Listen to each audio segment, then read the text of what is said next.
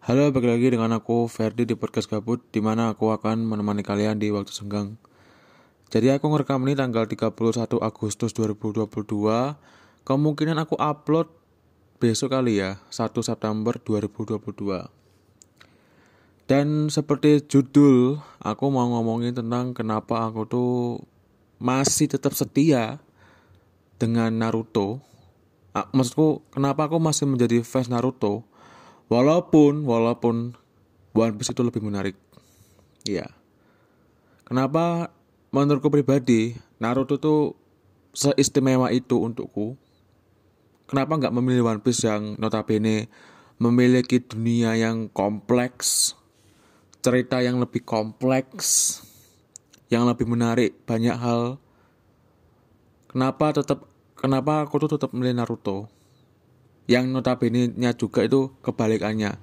Dunia yang lebih kecil permasalahan yang nggak sekompleks One Piece dan banyak hal yang nggak semenarik One Piece. Kenapa aku tuh masih setia menjadi fans Naruto? Gitu. Aku ini aku ngomongin anu ya perjalananku selama apa ya uh, menikmati kedua cerita itu. Aku pengenal Naruto tuh kalau nggak salah 2006 saat aku kelas 1 SD kalau nggak salah. Iya kelas 1 SD. Dulu tuh kalau nggak kalau nggak salah ya di Global TV Naruto tuh kan apa diputer diulang-ulang kan tiap hari. Jadi yang membuat apa ya yang yang membuat aku terhibur masa kecilku itu ya salah satunya adalah Naruto. Apalagi kan kalau apalagi kan saat itu kan Naruto kan bisa dibilang lagi bumi-buminya ya kan? Jadi membuat aku semakin suka sama Naruto lah seperti itu. Ditambah lagi kalau kalian tahu apa namanya uh, gambar Naruto, Sakura dan juga Sasuke yang join Akatsuki itu loh yang dulu pernah jadi semacam hoax paling gila untuk fans Naruto jelas. Itu sih anjing mek ternyata yang buat orang-orang Indonesia loh padahal. Gila itu itu membuatku makin suka sama Naruto. Itu membuatku makin suka sama Naruto ya kan? Dan ya selama itulah kurang lebih sampai sekarang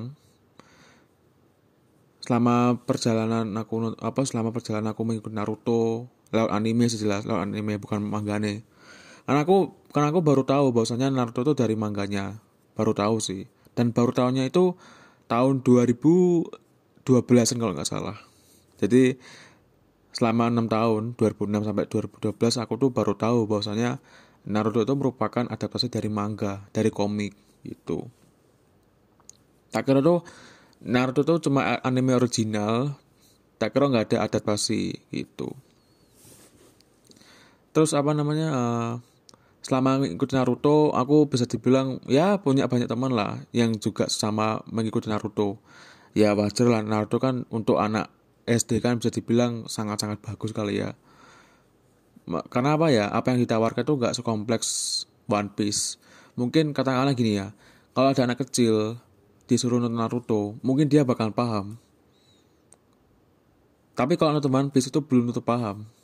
Itulah itulah mungkin bisa dibilang One Piece itu hanya untuk orang-orang yang bisa dibilang ya menginjak dewasa lah. Karena dia bisa melihat apa namanya dunia yang kejam itu kayak apa di One Piece gitu. Ya singkat cerita sih sampai 2014-an sampai 2014-an itu kan zaman-zaman aku ngikuti warnet kan. Aku tuh zaman-zaman 2013-14 aku menjadi anak warnet lah. Aku apa ya dulu kalau nggak salah main gamenya game school yaitu Dragon Nest Point Blank sama Halo Saga. Ya meskipun aku cupu aku cupu aku noob tapi ya nggak masalah enjoy aja gitu loh ya kan? Dan kalau nggak salah dan kalau nggak salah itu kan apa di animenya ya bukan manganya di, di animenya kan salah uh, lagi apa ya lagi booming boomingnya perang ninja perang dunia ninja keempat kan gitu. Jadi uh, selama kita dulu ya zaman zaman aku main selama aku itu lagi rehat main lagi pengen istirahat bentar aku sama teman-temanku yang lain bahkan sampai orang yang nggak dikenal pun itu ngomongin Naruto ini ini ini di tempatku ya bukan di anu bukan di tempat yang lain. Maksudku di sekitarku tuh ya orang-orang itu ya ngomongin Naruto. Di sekitarku lah ya. Bahkan sampai di warnet pun ya cuma ngomongin Naruto. Gitu. Dan sampai Naruto pun tamat 2017 iya kalau nggak salah animenya ya 2017 tetap aja mendekati mendekati tamat tuh ya ada aja yang ngomongin Naruto. Ada ada aja. Itu di sekolah pun ya beberapa pun ya juga ngikutin Naruto yang juga ngomongin Naruto lah. Dan aku pun ya apa namanya bisa dibilang ya cukup apa ya punya teman lah. Dibalik dibalik apa Naruto itu. Jadi bisa dibilang kenangannya sih lebih ke kenangan dan juga memori di Naruto itu juga apa namanya ini aku ngomongin sebelum habis dulu ya habis nanti terakhir di Naruto itu juga aku bisa diajarkan iya diajarkan tuh diajarkan tentang apa itu kebencian, apa itu perdamaian, apa itu kenyataan, apa itu rasa sakit, apa itu kesepian. Maksudku hal-hal kecil, hal yang remeh mungkin saat ini aku pikirkan itu kayak anjing mek. Ternyata sepower sepowerful itu sih untukku pribadi, untuk personal impactku tuh eh personal impactku tuh bener-bener kerasa gitu. Oke katakanlah One Piece lebih gila kompleks. Wah dadar dadar apakah lebih besar lebih gila. Bung lebih banyak teori lebih banyak misteri bla bla bla bla. Lebih kompleks bla bla bla bla dan lain-lain.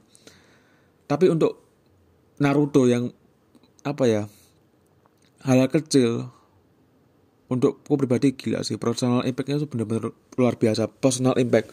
Personal impactnya tuh benar-benar luar biasa sama sekali. Benar-benar gila sih.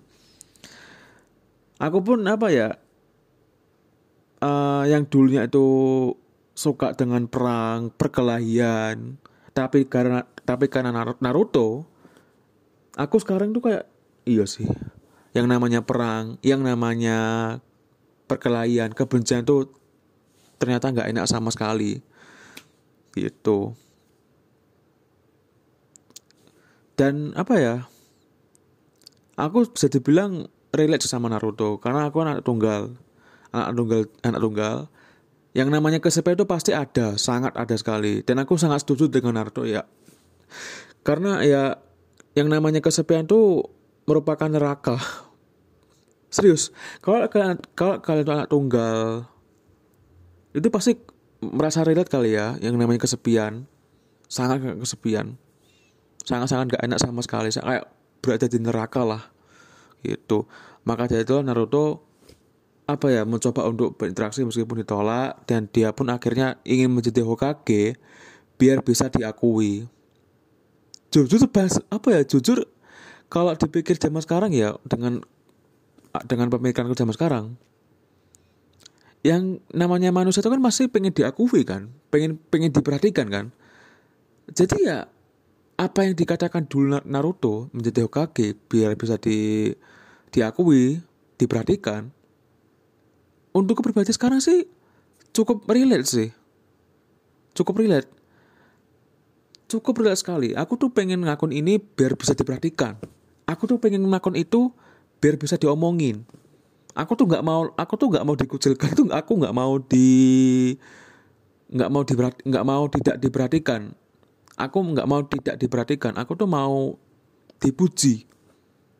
Dan itulah dari Naruto. Sesimpel itu. Dan aku dan aku pun walaupun nggak merasakan cara langsung kali ya yang namanya dikucilkan karena dia tuh punya kurama QB di dalam tubuhnya yang nggak tahu apa-apa sama sekali anak kecil ini itu sih sangat-sangat relate sih. Bener-bener gila sih. Ngerti meskipun backstorynya mungkin nggak sekelam MC MC lain. Ngerti ngerti ngerti. Tapi untuk pribadi yang namanya dikucilkan yang namanya diomongin seenggak enggak yang namanya kamu tuh nggak tahu apa-apa tapi kok gini? Itu sih bener-bener nggak enak sih jelas. Yang namanya ya juga anak anak yatim piatu tuh nggak enak sih jelas. Bayangan pak. Kamu tuh apa ya dari kecil kamu tuh harus hidup sendiri loh. Serius. Kamu hidup sendiri. Kamu nggak tahu apa-apa tentang orang tuamu.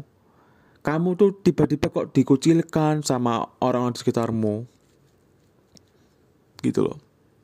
Sebenarnya bisa sih Naruto tuh apa ya menjadi jahat. Bisa sebenarnya. Bisa banget. Bisa banget sebenarnya. Cuma cuma apa ya Naruto tuh bisa dibilang masih percaya. Meskipun ngerti ngerti apa bocah kecil tuh kayak berpikirnya kok apa ya kok bisa berpikir masih percaya? Maksudku uh, Naruto tuh masih percaya bahwasanya ada orang baik meskipun hanya secuil. Contoh, Paman Ichiraku Ramen.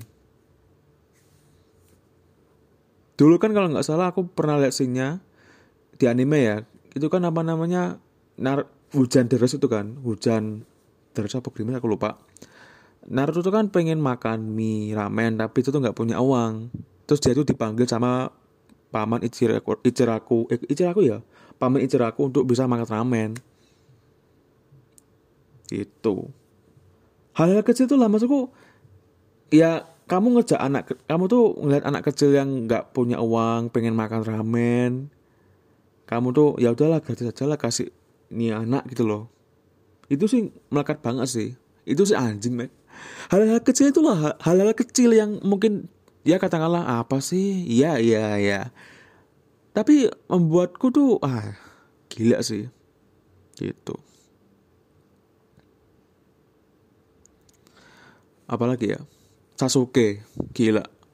Mohon, ma mohon maaf ya dari kecil sampai sekarang dari aku ng ngikutin Naruto pertama kali sampai sekarang umurku yang 22 ke 23 ini tetap aja loh.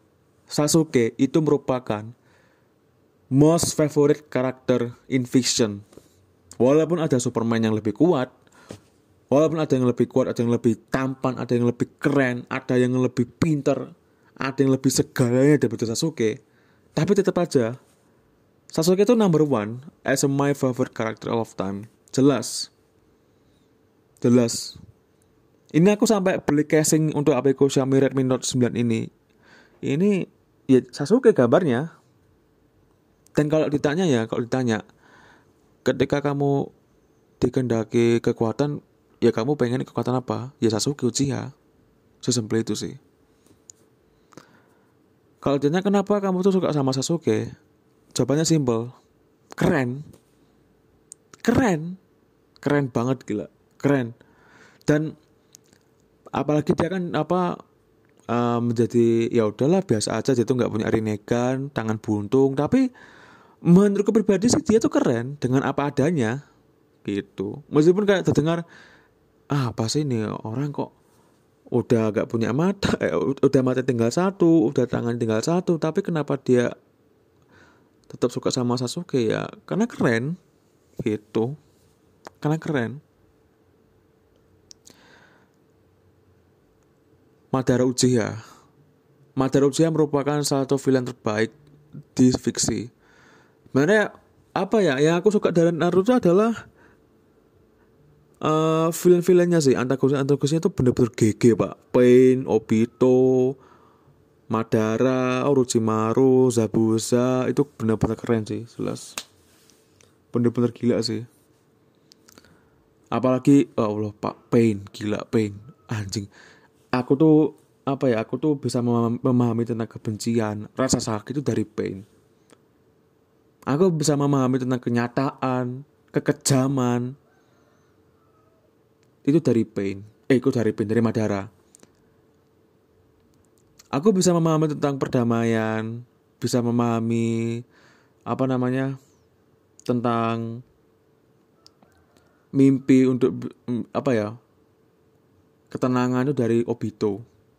Aku bisa memahami memahami apa ya memahami obsesi untuk mendapatkan kekuatan untuk bisa kuat itu dari Orochimaru aku bisa memahami apa namanya kok sebut itu bisa memahami kenapa uh, ditelantarkan dari desa kalau nggak salah. Kenapa aku gini-gini dari Jabusa banyak sebenarnya film-film Naruto bisa dibilang bagus kok. Itu yang aku suka dari film Naruto itu apa ya? Kayak memanusiakan manu, kayak memanusiakan karakternya gitu loh.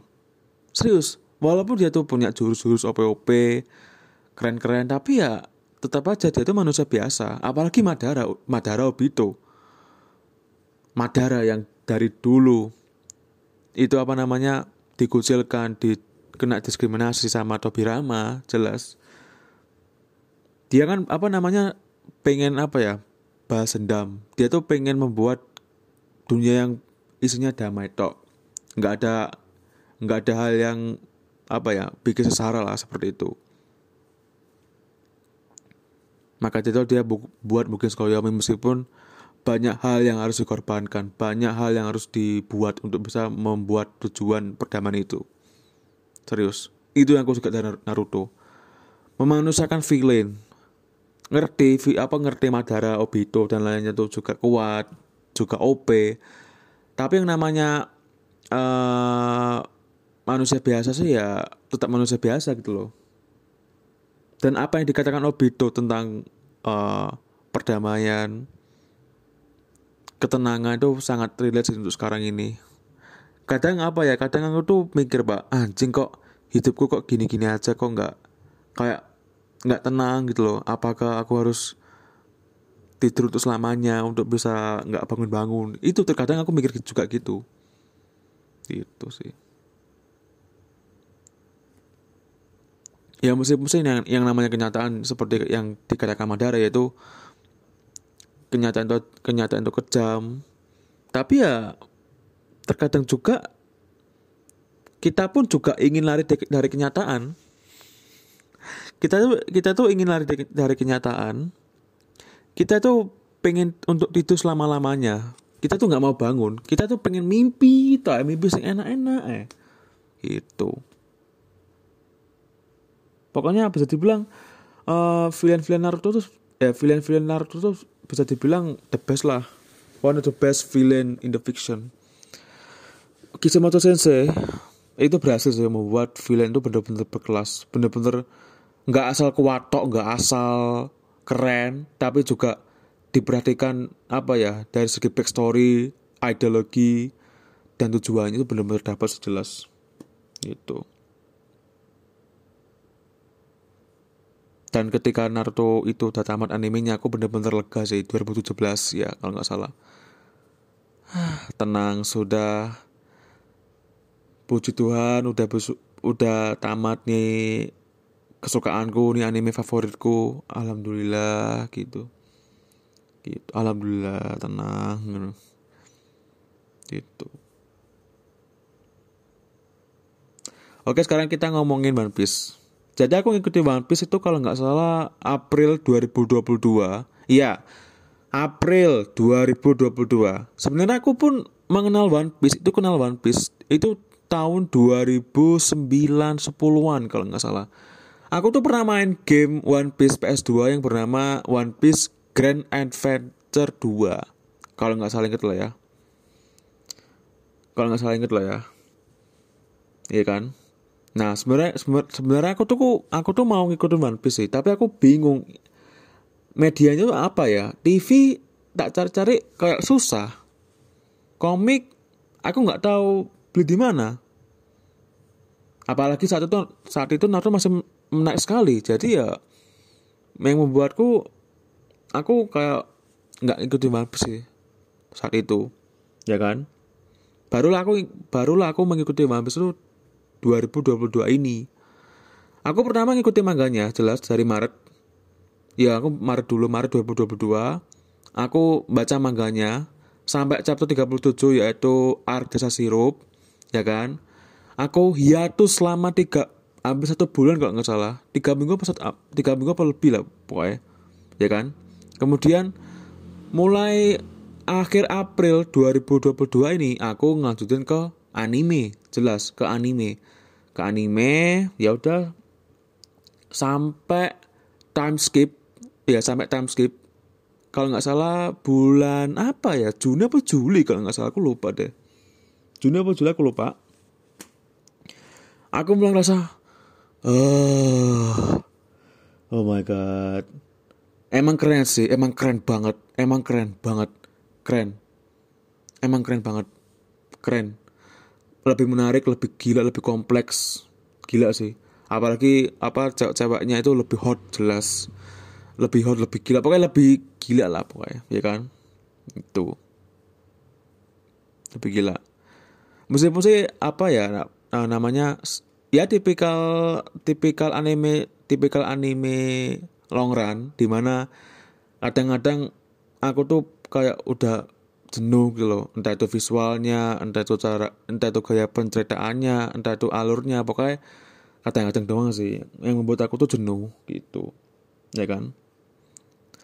Momen momen memorable di One Piece yang aku sampai sekarang masih ingat adalah ketika Robin itu bilang I want to live. Di arc-nya Ennis Lobby itu bener-bener dapat bener-bener gila bener-bener sakit pak. Jelas. Sampai sekarang ya ini menurutku pribadi ya. Ennis Lobby Arc Ennis Lobby Saga maksudku Water Seven Saga itu merupakan saga terbaik di One Piece. Jelas. Water Seven Saga itu merupakan saga terbaik di One Piece. Jelas. No debat. Ini ini kalau aku ya meskipun yang ngerti ngerti saga terakhir nanti itu lebih gila lebih wow lebih blar lebih gendeng tapi wah Waktu saya itu bener-bener gila sih. Apalagi pada saat si Aokiji Kusan itu diperkenalkan. Oh my god. Ya meskipun nggak sekeren Madara, ngerti. Tapi kan caranya dia itu apa namanya membuat lautan jadi es bener-bener gila sih. Ice egg. Gila sih anjing gitu. Sakit sih jelas. Ya kan? Untuk soal kematian es ya, untuk so untuk soal kematian es aku sebenarnya kalau aku nggak dapat spoiler mungkin aku bakalan terharu sih. Bakalan aku sedih sih. Tapi dikarenakan ya mohon maaf spoiler lah pak. Spoiler sumpah berbeda dengan Naruto. Dulu Naruto zaman zaman dia itu masih tayang internet tuh nggak segila sekarang oke? Okay? Aku, jadi aku plot terus apa kayak kematian ini kematian itu. Bahkan kematian Jiraya aku penangis. Kematian Jiraya perpisahan Naruto dan juga Minato Iya kan, itu menangis sih jelas. Tapi di S ini, dikarenakan aku udah dapat spoiler bolak-balik jelas dari internet, ya kematian S itu ya juga sedih. Tapi kan untuk kepribadi ya udah loh, nggak sedih-sedih amat lah gitu. Nggak sedih lah. Momen sedih bagiku sih apa ya namanya pemakaman Mari, apa pemakaman Mary Goy sih, eh Mary Goy. Uh, apa namanya Mary Going? Hingga saya lupa namanya uh, apa namanya? Meriko ya? Meriko apa Meriko aku lupa aku lupa banget. Ma mohon maaf mohon maaf. Meriko apa? Lah Meriko oh Meriko Meriko Going Mary ya Allah. Going Mary ya Going Mary. Going Mary. Pemakaman Going Mary bisa dibilang aku tuh apa ya merinding. Terharu juga sih. Gila loh pemakaman kapal tok itu bisa membuatku se mau nangis lah pokoknya bisa dibilang gitu. Tapi yang aku nggak suka yang yang aku nggak suka adalah ya gitu. Udah di udah dikasih pemakaman yang epic banget yang memorable banget. Tapi kenapa di trailer bug itu kenapa dibuat going merry versi mini oh. eh Roda Roda nggak gini ya gini ya. Aku ini menurutku pribadi ya. Biarkanlah going Mary itu istirahat men. Walaupun ngerti cuma kapal cuma kapal oke okay, ngerti. Tapi biarkan going Mary itu istirahat. Jangan ada going Mary light atau going Mary mini. Itu itu anjing sih. Mek gatel ya Allah. Ya biarkan going Mary itu apa ya? Istirahat untuk selamanya lah biarkanlah istirahat untuk selamanya. Jangan apa ya, jangan jangan apa jangan jangan dibaru maksudku jangan dibuat hidup lagi gitu loh. Ngerti gak sih? Going merry mah. Soalnya going merry bisa dibilang ya udah perjalananmu tuh udah sampai di sini aja. Nggak usah dibuat nggak usah dibuat going merry light gitu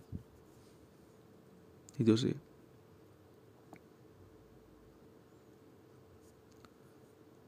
Uh, time skip ya. Time skip kan kalau nggak salah anu kan Fishman Island kan. Itu aku sempat berpikir ah capek anjing ini kebanyakan apa gimana ini anime? Kok aku nggak suka udah nggak kuat gitu loh. Ya kan? Dan aku mikir ini gimana caranya? Aku tuh bisa tetap ngelanjutin One Piece lah. Ya udah aku pakai cara yang mungkin aku denial yaitu membaca komiknya ternyata oh my god pak komiknya nggak usah bilang bisa like ini aku nggak ini aku nggak suka dari animenya One Piece adalah diulur-ulur diulur-ulur ya diulur-ulur di dragging lah di dragging diulur-ulur diulur-ulur. Aku nggak suka banget anjing. Sumpah. Beda dengan mangganya mangganya oh my god.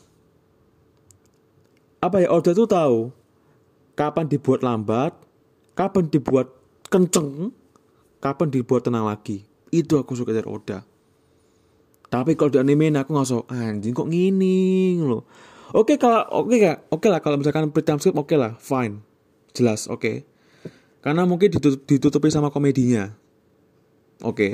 Tapi post script kan ya namanya development Luffy, Zoro dan juga kawan-kawan kan udah mulai ada tuh, jadi agak sangat disayangkan kalau apa ya fasenya tuh terlalu di dragging lah, terlalu dilama-lamain lah, bisa dibilang. Itu ya udah aku mulai dari Fishman sampai Wano ini Wano selesai ini yang katanya mungkin the next saga yaitu mungkin Elf Buff. I don't know bener apa enggak? Tetap aja sih wah gila sih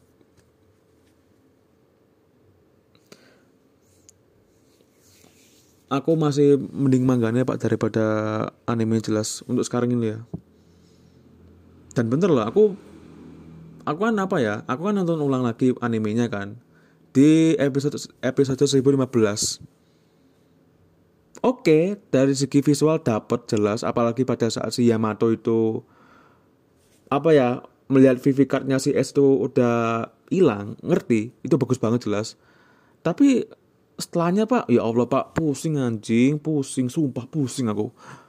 Apa ya pertempuran pertempuran Kaido dan juga Luffy itu amat pusing pak. Sumpah pusing aku. Kebanyakan efek-efek cahaya. Angle kameranya kok sebenarnya sebenarnya ngerti pengen dramatis tapi kok aku dulu agak mumet ya. Pusing ya. Ya Allah aku sampai sampai mataku sampai kepalaku pusing loh. Anjing nek loh gila sih pusing loh ini aku ini aku nggak sarkas ini aku bener pusing bener-bener nggak nyaman tapi untuk pertarungan lain kayak apa namanya uh, Sanji dan Black Maria dan yang lain tuh aku sedih bilang cukup nyaman lah. Yang aku cuma nggak enak itu adalah ya pertarungan antara Luffy, Zoro, Kid, Lau dan juga yang siapa namanya itu yang topeng yang warna biru aku lupa namanya. Itu bisa dibilang pusing sih. Pertarungan Luffy dan kawan-kawan melawan Kaido, Big Mom itu pusing sih jelas. Terlalu banyak efek aja. Padahal di manganya tuh gak sama sekali loh. Di mangganya tuh ya efeknya mungkin ada tapi nggak nggak selebay yang ada di anime jelas. Gila sih. Acara itu bisa dibilang kalau buat pertarungan oke okay lah. Mungkin nggak spesial tapi masih bisa enak dilihat lah gitu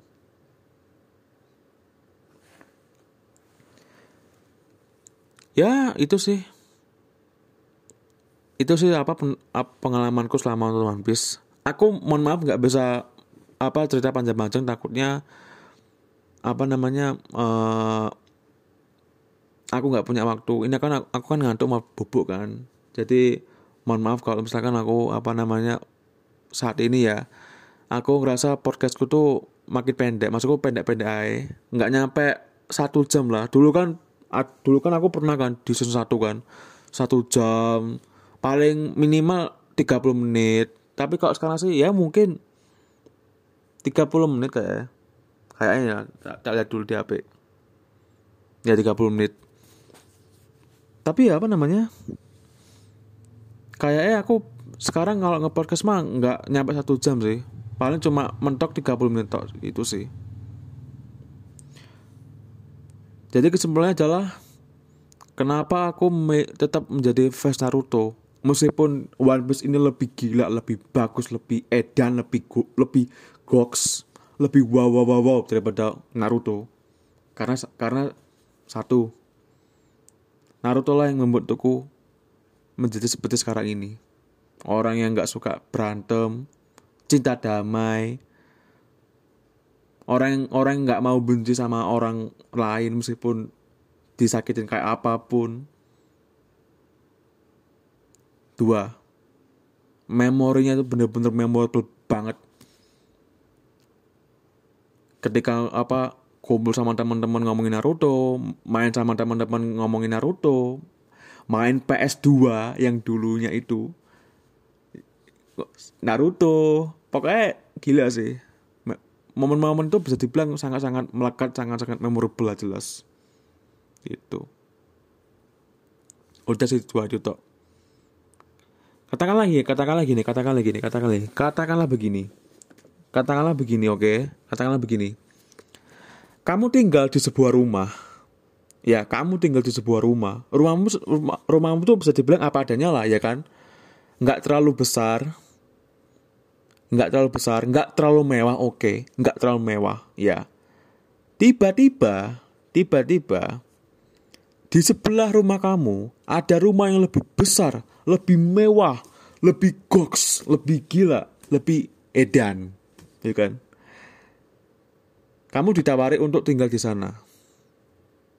Kamu ditawari untuk tinggal di sana. Oke. Okay? Ya ini ini cuma perandaian sih. Ini cuma perandaian. Mungkin mungkin orang lain yang anu paham dengan apa ya namanya banyak kelebihan mungkin ah aku pengen tinggal di sini lah gitu kan. Tapi kalau aku kalau aku kalau aku dikasih plan itu aku bakal tinggal di rumah kecil. Ya karena satu memoriku di rumah itu bener-bener nggak bisa dihilangkan bener-bener nggak mau aku bener-bener nggak mau dihilangkan. Seperti itulah. Itu yang terjadi dengan Naruto dan juga One Piece. Memoriku soal Naruto memoriku memoriku soal Naruto tuh aku nggak mau bener nggak mau hilang lah. Aku nggak mau hilang. Karena ada anime lain lebih menarik. Gitu. Karena menurutku pribadi apa ya impact personal untukku bener-bener nggak mau dihilangkan lah nggak mau dirubah meskipun itu dari anime lain. Aku tetap suka One Piece aku tetap suka One Piece tapi aku nggak mau menghilangkan memori kenangan yang ada di Naruto. Gitu sebenarnya nggak salah sih kamu tuh milih anime Naruto, manga Naruto, One Piece atau apa pun itulah ceritanya. Nggak salah sebenarnya. Setiap orang tuh punya asa masing-masing lah, ya kan. Jadi ya buat sekarang sih kita harus saling menghormati aja lah. Karena kan pilihan orang itu beda-beda. Preferensi orang itu beda-beda. Masa lalu orang itu beda-beda. Kenangan orang tentang anime itu kan beda-beda. Jadi kita hanya bisa kita hanya bisa melakukan satu yaitu menghormati gitu. Oke mungkin itu aja podcast aku. Mohon maaf kalau misalkan aku selama selama aku ngomongin barusan ya. Selama aku ngomongin di episode ini aku banyak ngelantur. Mohon maaf ya karena aku ya aku kan berkali-kali bilang aku tuh nggak pandai ngomong pak. Tapi aku tetap berusaha untuk bisa pandai ngomong. Pokoknya kalau ada waktu luang nge-podcast lah kalau aku ada mood nge-podcast lah. Kalau aku ada ide nge-podcast lah. Meskipun ya cara ngomongku ya kayak mau gagap lah. Mau gagap mau goblok orang mabuk dan sebagainya lah. Bodoh amat. Medok di pertahankan bodoh amat. Tapi ya tetap aku nge-podcast jelas. Gitu. Uh, terima kasih buat kalian yang telah setia mendengarkan podcastku. Ngerti cuma satu orang satu orang dua orang ngerti. Aku tuh aku tuh apa ya kadang-kadang aku tuh ngeliat anchor ngeliat statistik aku tuh ngeliat ya satu orang dua orang tiga orang kayak kuburan semua sepi tapi nggak masalah juga penting ya udahlah jalannya lah urep loh jalan saja hidup. Kalau katakanlah aku nggak dapat uang dari podcast ya, ya sudah nggak masalah juga gitu. Oke. Kita akan ketemu lagi di podcast selanjutnya dadah